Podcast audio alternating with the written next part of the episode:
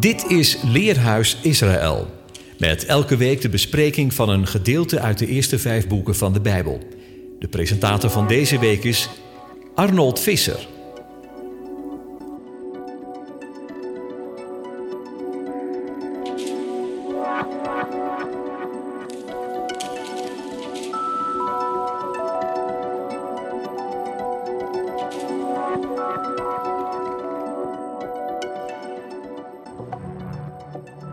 Luisteraars, hartelijk welkom bij deze uitzending van het Leerhuis. We gaan de parasha Bet Shalach behandelen, de zestiende lezing uit onze jaarlijkse Torah-cyclus. In de vorige parasha Bo hebben we gezien dat met het teken voor het volk Israël er een nieuw begin voor de deur stond, met het bestrijken van de beide deurposten en de bovendorpel werd de letter get gevormd, dat de numerieke waarde heeft van het getal 8. Het getal 8 geeft aan dat er een tijd van een nieuw begin is aangebroken. De parasha van deze week, ook wel de parasha van de reis genoemd, gaat daarop verder. De Israëlieten verlaten Egypte en gaan op weg naar hun beloofde land. Daar zal nog wel wat tijd, zelfs een hele reis overheen gaan.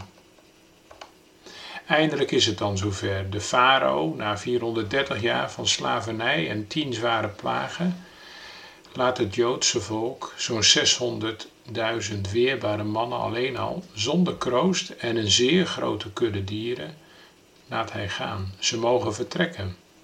In Shemot, Exodus 13, vers 17 en 18 staat, en het geschiedde toen de farao de gemeente heen zond, Beshalach, heeft God die niet geleid over de weg door het land van de Filistijnen, hoewel die naastbij was.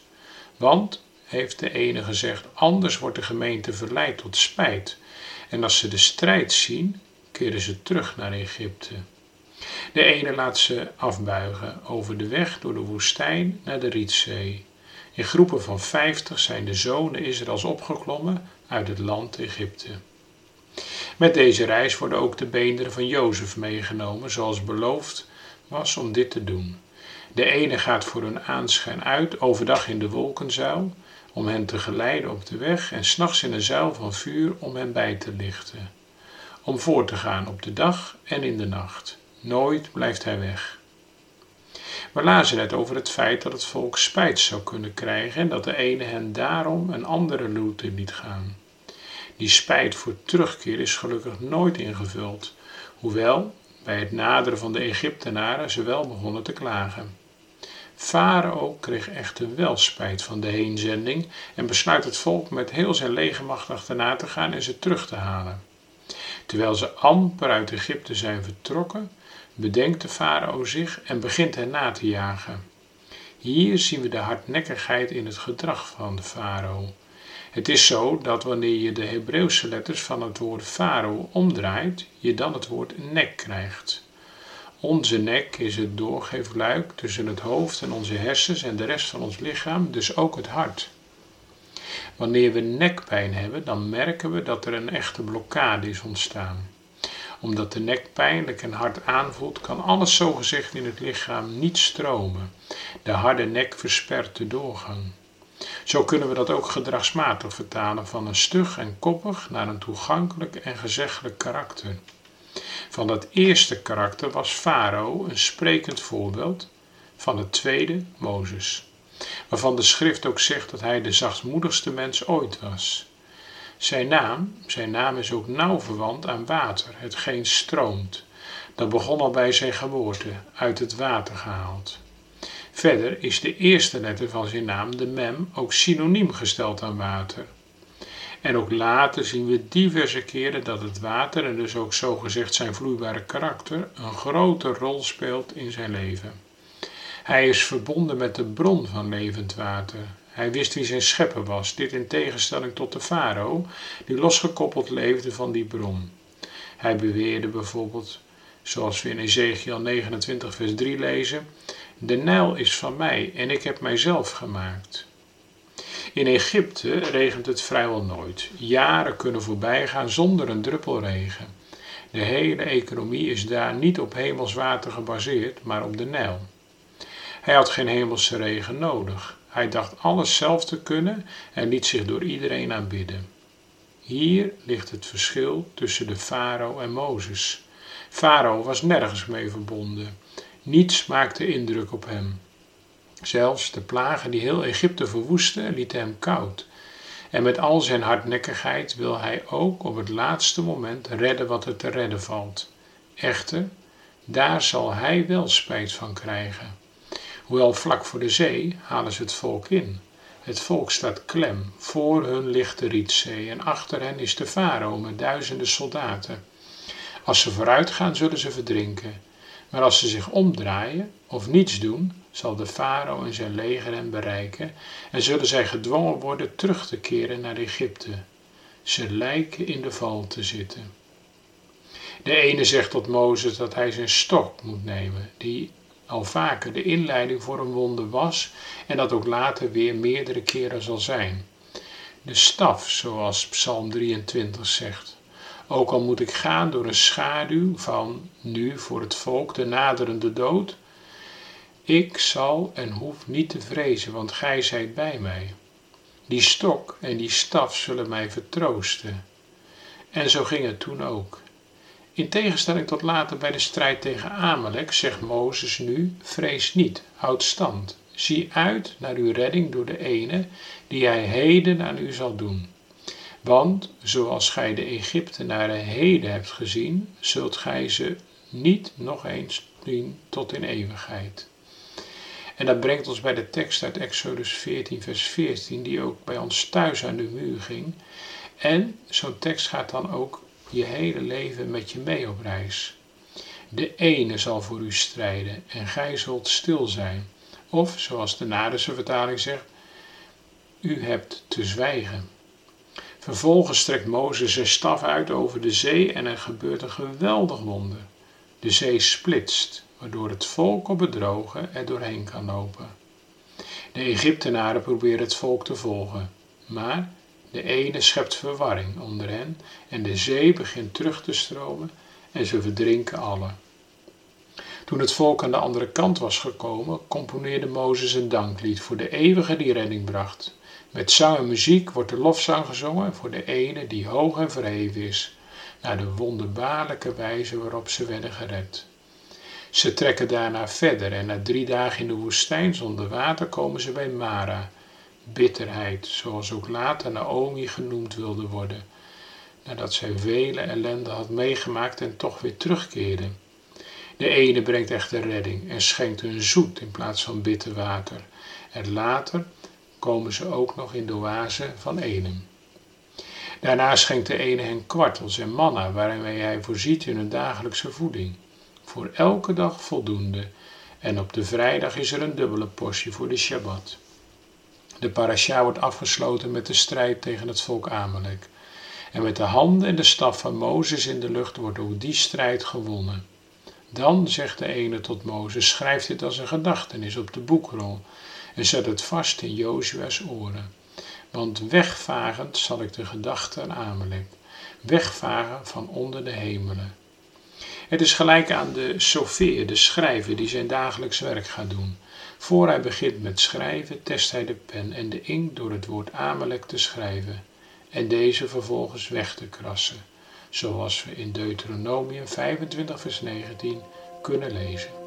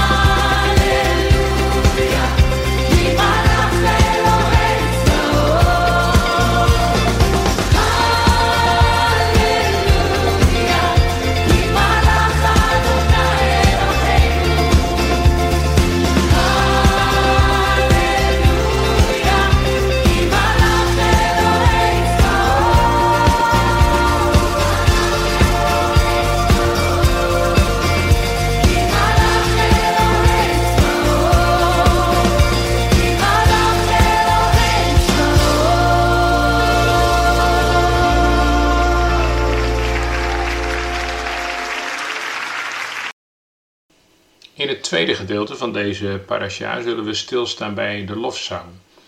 Alvorens we daarna gaan kijken, geef ik u de schriftgedeelten die uh, er vandaag bij horen. Dat is de Torahlezing uit Exodus 13, vers 17 tot 17, vers 16. De Haftara-lezing is uit Richteren 4, vers 4 en het vijfde hoofdstuk. En de Tweede Testamentlezing begint bij Johannes 6, vers 15 en stopt bij het 71ste vers, het einde van het hoofdstuk. In de parasha lezen we ook over het lied van Mozes, dat de Israëlieten zongen nadat God hen bevrijdde van de Egyptenaren. In veel diensten, in kerken en synagogen, is er altijd een gedeelte van de dienst gewijd aan samenzang. En per denominatie ziet dat er qua uitvoering verschillend uit. Hoe dan ook, muziek is altijd een belangrijk onderdeel geweest van aanbidding. Samenkomsten zijn nog maar weinige plekken waar mensen samen zingen. In dat zingen worden woorden, gedachten en gevoelens geuit die over verschillende stemmingen gaan: vreugde, dankbaarheid, verontwaardiging, angst, wanhoop, geloof, vertrouwen, noem maar op. Iets wat in deze tijd ook veelal stil ligt. En ik denk naast het aspect dat we daarmee het belangrijkste, de ene onze lof en eer toezingen, dat we dat sterk missen. Het ook een gemis is voor ons persoonlijk en gezamenlijk geloofsleven. In ons lied bezingen we de ontmoeting met de ene en door het samen zingen overstijgen we onze individuele gemoedstoestand. In de Bijbel lezen we onder andere over de lofzang van Mozes, van Mirjam, van Deborah, Hanna, Hiskia, Daniel, Habakkuk, Zacharia, Maria, Simeon en nog veel meer. Bovendien staan er in het hart van de Bijbel niet voor niets 150 liederen, 150 psalmen. Deze vormen een bijna onuitputtelijke keur van liederen uit diverse omstandigheden van het leven. Het is de apotheek voor iedere gelovige. Dat zingen, die lofzang, gaat zelfs helemaal terug tot in de tijd van Mozes. Want in Exodus 15, 1 en 2 lezen we: Toen zongen Mozes en de Israëlieten dit lied voor de Heere. Ze zeiden: Ik zal zingen voor de Heere, want hij is hoog verheven. Het paard en zijn ruiter heeft hij in de zee geworpen.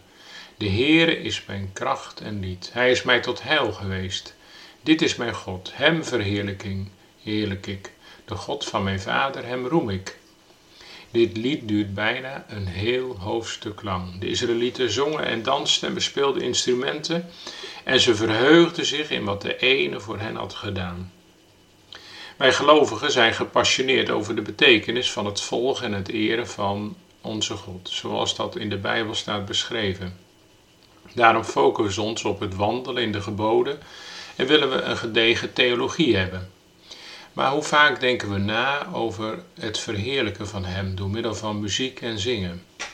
Want als we de Bijbelse leefstijl onderzoeken, dan zien we dat muziek absoluut een rol speelt als Gods volk Hem de eer geeft voor wat Hij heeft gedaan. In Psalm 96, het eerste en tweede vers staat: Zing de Heere een nieuw lied. En in Psalm 47, vers 7: Zing psalmen voor God. Zing psalmen, zing psalmen voor onze koning. Zing psalmen. In de Haftara-lezing van Richteren komen we het lied van Deborah tegen. Zij beschrijft hoe de Heere de overwinning op de vijanden heeft behaald. Het laat zien hoe het af en toe kan lopen wanneer men zich tegen de Heere keert. Tegelijk laat het zien dat wie de Heere dienen door hem gezegend worden. Deze dubbele focus komt vooral naar voren in de conclusie aan het einde van het loflied. Het is daarnaast vooral een vrij uitvoerige beschrijving van gebeurtenissen. Opvallend is dat de Heere vrouwen gebruikt voor de overwinning, terwijl veel heldhaftige mannen zich afzijdig houden. Dit laat, net als in het eerste gedeelte, zien dat de overwinning alleen van de Heere komt. Hij moet daarom alle eer krijgen. Richteren 5 is nauw verbonden met Richteren 4. Eigenlijk wordt dezelfde geschiedenis twee keer verteld. De eerste keer als geschiedenisverhaal en de tweede keer in de vorm van een lied. Net als het lied van Mozes is dit lied meer dan het bezingen van hetgeen er gebeurd is. Het lied geeft betekenis aan het gebeurde en interpreteert het als handelen van God. Dit lied, gezongen door de profetes Deborah, is daarmee zelf ook een profetie. Deborah leert het volk dat God diegene was die handelde en dat hij ook diegene is die die eer moet krijgen. De richtere tijd zelf was een moeilijke tijd waarin het volk veel meemaakte. Men woonde in het beloofde land, maar helaas vergat Israël de Heere en deed wat goed was in eigen ogen. De Heere stuurde vijanden om hen te straffen. En daarna zond God richters om het volk van de vijanden te bevrijden en terug te brengen bij hem. Deborah en Barak zijn twee van deze richters, door God aangesteld om licht te brengen in een donkere tijd, om het afgedwaalde volk terug te brengen. Ook in een donkere tijd lezen we dat onze Messias de lofzanger zong met zijn discipelen. In Matthäus 26, vers 30 staat: En toen zij de lofzang gezongen hadden, vertrokken zij naar de Olijfberg. En ook de apostel Paulus wijst ons erop in Colossense 3, vers 16. Laat het woord van Christus in rijke mate in u wonen, in alle wijsheid, onderwijs elkaar en wijs elkaar terecht met psalmen, lofzangen en geestelijke liederen. Zing voor de Heer met dank in uw hart. Er zijn veel redenen voor waarom het zingen van liederen zo belangrijk is. Eén daarvan is om de gemeente te verenigen. Als iedereen dezelfde woorden zingt, dezelfde bijbelse waarheid tegelijkertijd verkondigt, dan heeft dat een krachtig verenigend effect voor het lichaam van de Messias. Hoe triest ook dat dit een van de eerste aspecten was die in deze coronatijd werd stilgelegd. God aanbidden is niet alleen het bestuderen van Gods woord en het onderhouden van zijn geboden, het is ook de ontmoeting met Yahweh op emotioneel niveau. Tot slot kunnen muziek en zang ons helpen om belangrijke bijbelse waarheden te herinneren en te onthouden. Er wordt ook wel gezegd: zingen is twee keer bidden. Dat voelt ook zo. De draad met het geloof blijft bij veel mensen het langst in stand door het luisteren naar en zingen van liederen.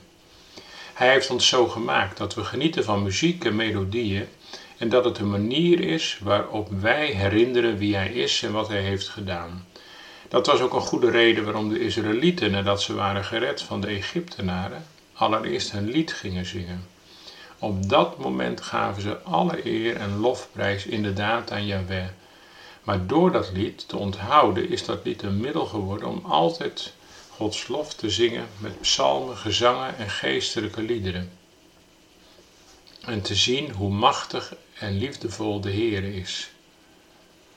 Laten we vooral de lofzang gaande houden met oude en nieuwe liederen. Met de harp, de luid, de tromp en de fluit, de blijde snaren, de vrolijke, vrolijke het orgel, de piano, alles wat geest en adem heeft, loven de Heer.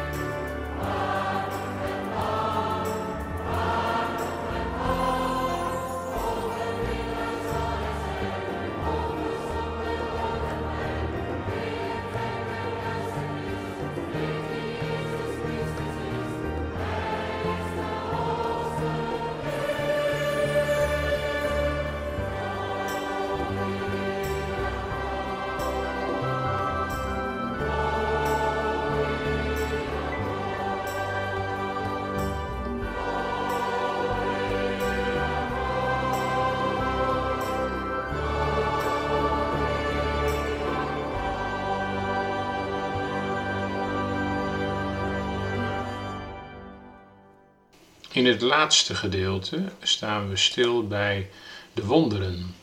En ook de betekenis die dat eh, heeft en zou moeten hebben voor ons als gelovigen.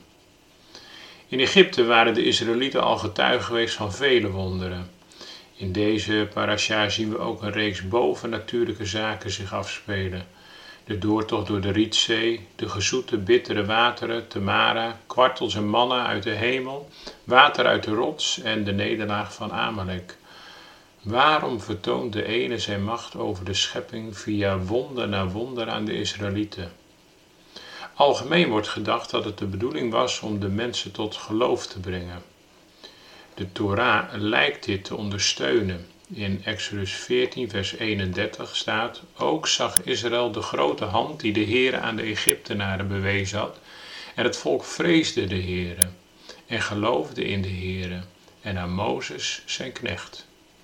Toch leert de praktijk ons dat wonderen geen langdurige invloed hebben op toekomstige gebeurtenissen en op zijn minst niet effectief zijn in het vormen van een basis voor godvruchtig geloof.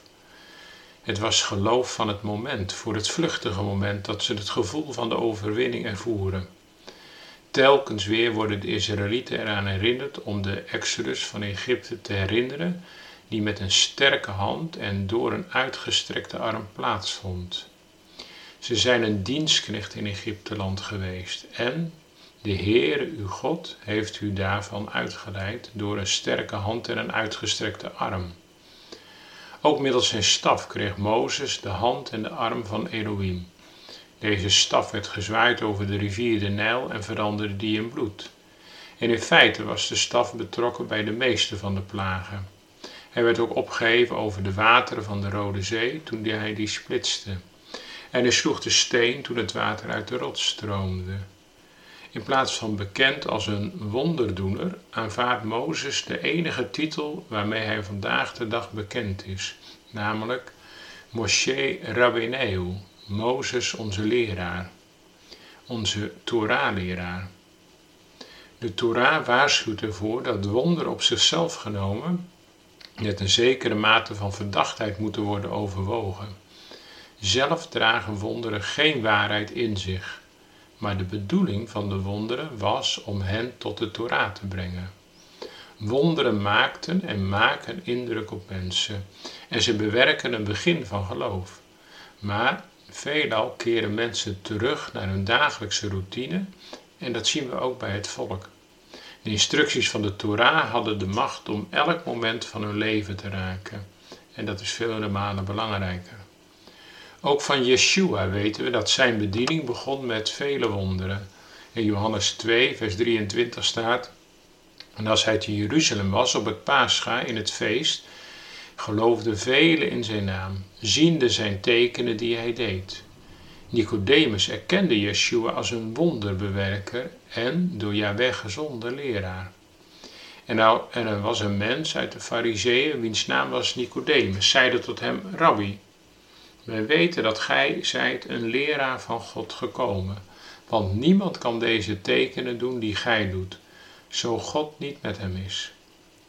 Na Yeshua's beroemde woorden over opnieuw geboren zijn en in de wereld gezonden zijn om de wereld te redden, spreekt hij van een leven vanuit waarheid, de Torah.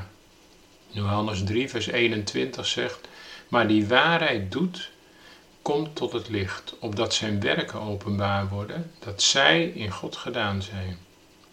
In Yeshua's thuisstad moesten de mensen niet van wonderen en zijn Torah-onderwijs weten. Om deze reden heeft hij er niet veel wonderen gedaan. Er staat, komende naar zijn geboortestad begon hij de mensen in hun synagoge te onderwijzen en zij waren verbaasd. Waar had deze man deze wijsheid vandaan? En deze wonderbaarlijke krachten. En zij namen aanstoot aan hem. Maar Yeshua zei tot hem: Alleen in zijn geboortestad en in zijn eigen huis is een profeet ongeëerd. En hij deed er niet veel wonderen vanwege hun gebrek aan geloof. Wonderen en de Torah gaan samen. Yeshua waarschuwt diegenen die zich richten op de wonderen.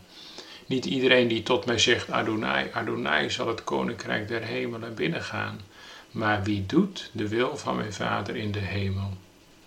Velen zullen die dag tot mij zeggen, Adonai, Adonai, we hebben, hebben wij niet in uw naam geprofeteerd, in uw naam duivelen uitgeworpen, in uw naam vele wonderen gedaan.